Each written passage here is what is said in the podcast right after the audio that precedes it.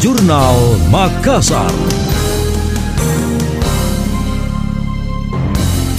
Saya Emil Faris dalam Jurnal Makassar. Pemerintah Provinsi Sulawesi Selatan berencana menambah landasan pacu Bandara Udara Haji Arupala di Kabupaten Kepulauan Selayar pada 2022 mendatang. Penambahan landasan pacu atau runway tersebut segera dilakukan setelah master plan dan review oleh Kementerian Perhubungan rampung. Sebab perluasan bandara tersebut akan dimasukkan ke dalam salah satu usulan proyek strategis nasional PSN. Nantinya runway akan ditambah dari sebelumnya 1950 meter menjadi 2400 meter. Terkait rencana ini, PLT Gubernur Sulawesi Selatan Andi Sudirman Sulaiman menyebutkan sejauh ini prosesnya masih terkait hibah tanah dari Pemprov ke pemerintah pusat. Sedangkan untuk anggaran, Sudirman mengaku belum ada nilai estimasi. Ya kita masih proses ini hibah tanahnya kita ke pusat juga lagi pembahasan terkait masalah hibahnya. Itu masih berproses sekarang. Artinya dengan ya, nanti insya Allah mudah-mudahan kita harapannya sebenarnya nanti bisa di sana diperlebar dan kemudian pasar-pasar besar bisa mendarat di sana.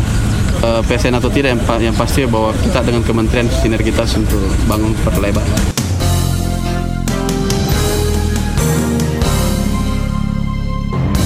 Terpisah Kepala Badan Perencanaan Pembangunan Penelitian dan Pengembangan Daerah Bapelik Bangda Sulsel, Darmawan Bintang menyebutkan, salah satu tujuan dari perluasan ini adalah mendukung Selayar sebagai kawasan ekonomi khusus KEK di Sulawesi Selatan. Karena masuk PSN, beban pemerintah daerah sedikit berkurang karena pemerintah pusat akan menanggung biaya pembangunannya. Kita mengembangkan termasuk juga mendukung KEK menunjang itu dan mempercepat pembangunan infrastruktur, kita berharap bisa mengusulkan beberapa infrastruktur yang menjadi bagian dari tanggung jawab pusat dengan asumsi bahwa mengurangi beban kita untuk membangun infrastruktur. Salah satunya jalan adalah dengan melalui usulan dalam proyek strategis nasional.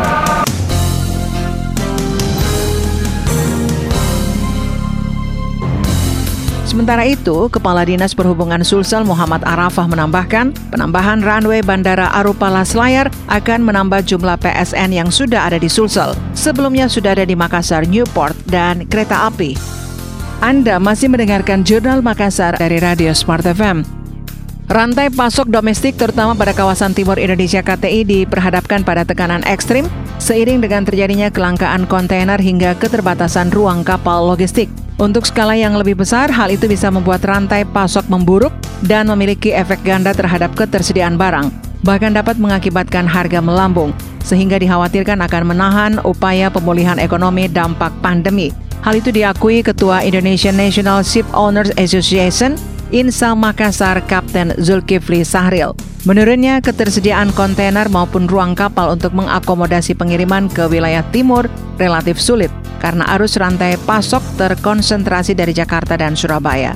Dalam kesempatan berbeda, Ketua Asosiasi Logistik dan Forwarder Indonesia Alfi Sulselbar, Saifuddin Saharudin mengungkapkan, permasalahan tersebut menjadi momok pemulihan ekonomi dari sisi sentimen logistik. Ia juga menyebut kelangkaan kontainer dan ketersediaan ruang kapal memiliki efek berganda terhadap perekonomian lantaran mengganggu rantai pasok.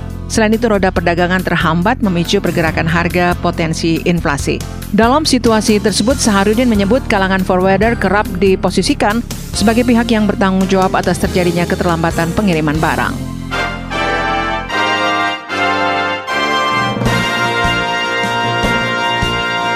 Demikian tadi, Jurnal Makassar.